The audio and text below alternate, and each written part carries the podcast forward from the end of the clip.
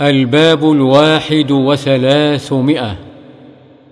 باب النهي عن التكلف وهو فعل وقول ما لا مصلحة فيه بمشقة.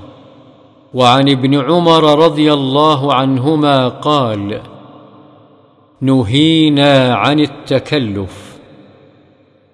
وعن مسروق قال دخلنا على عبد الله بن مسعود رضي الله عنه فقال يا أيها الناس من علم شيئا فليقل به ومن لم يعلم فليقل الله أعلم فإن من العلم أن تقول لما لا تعلم الله أعلم.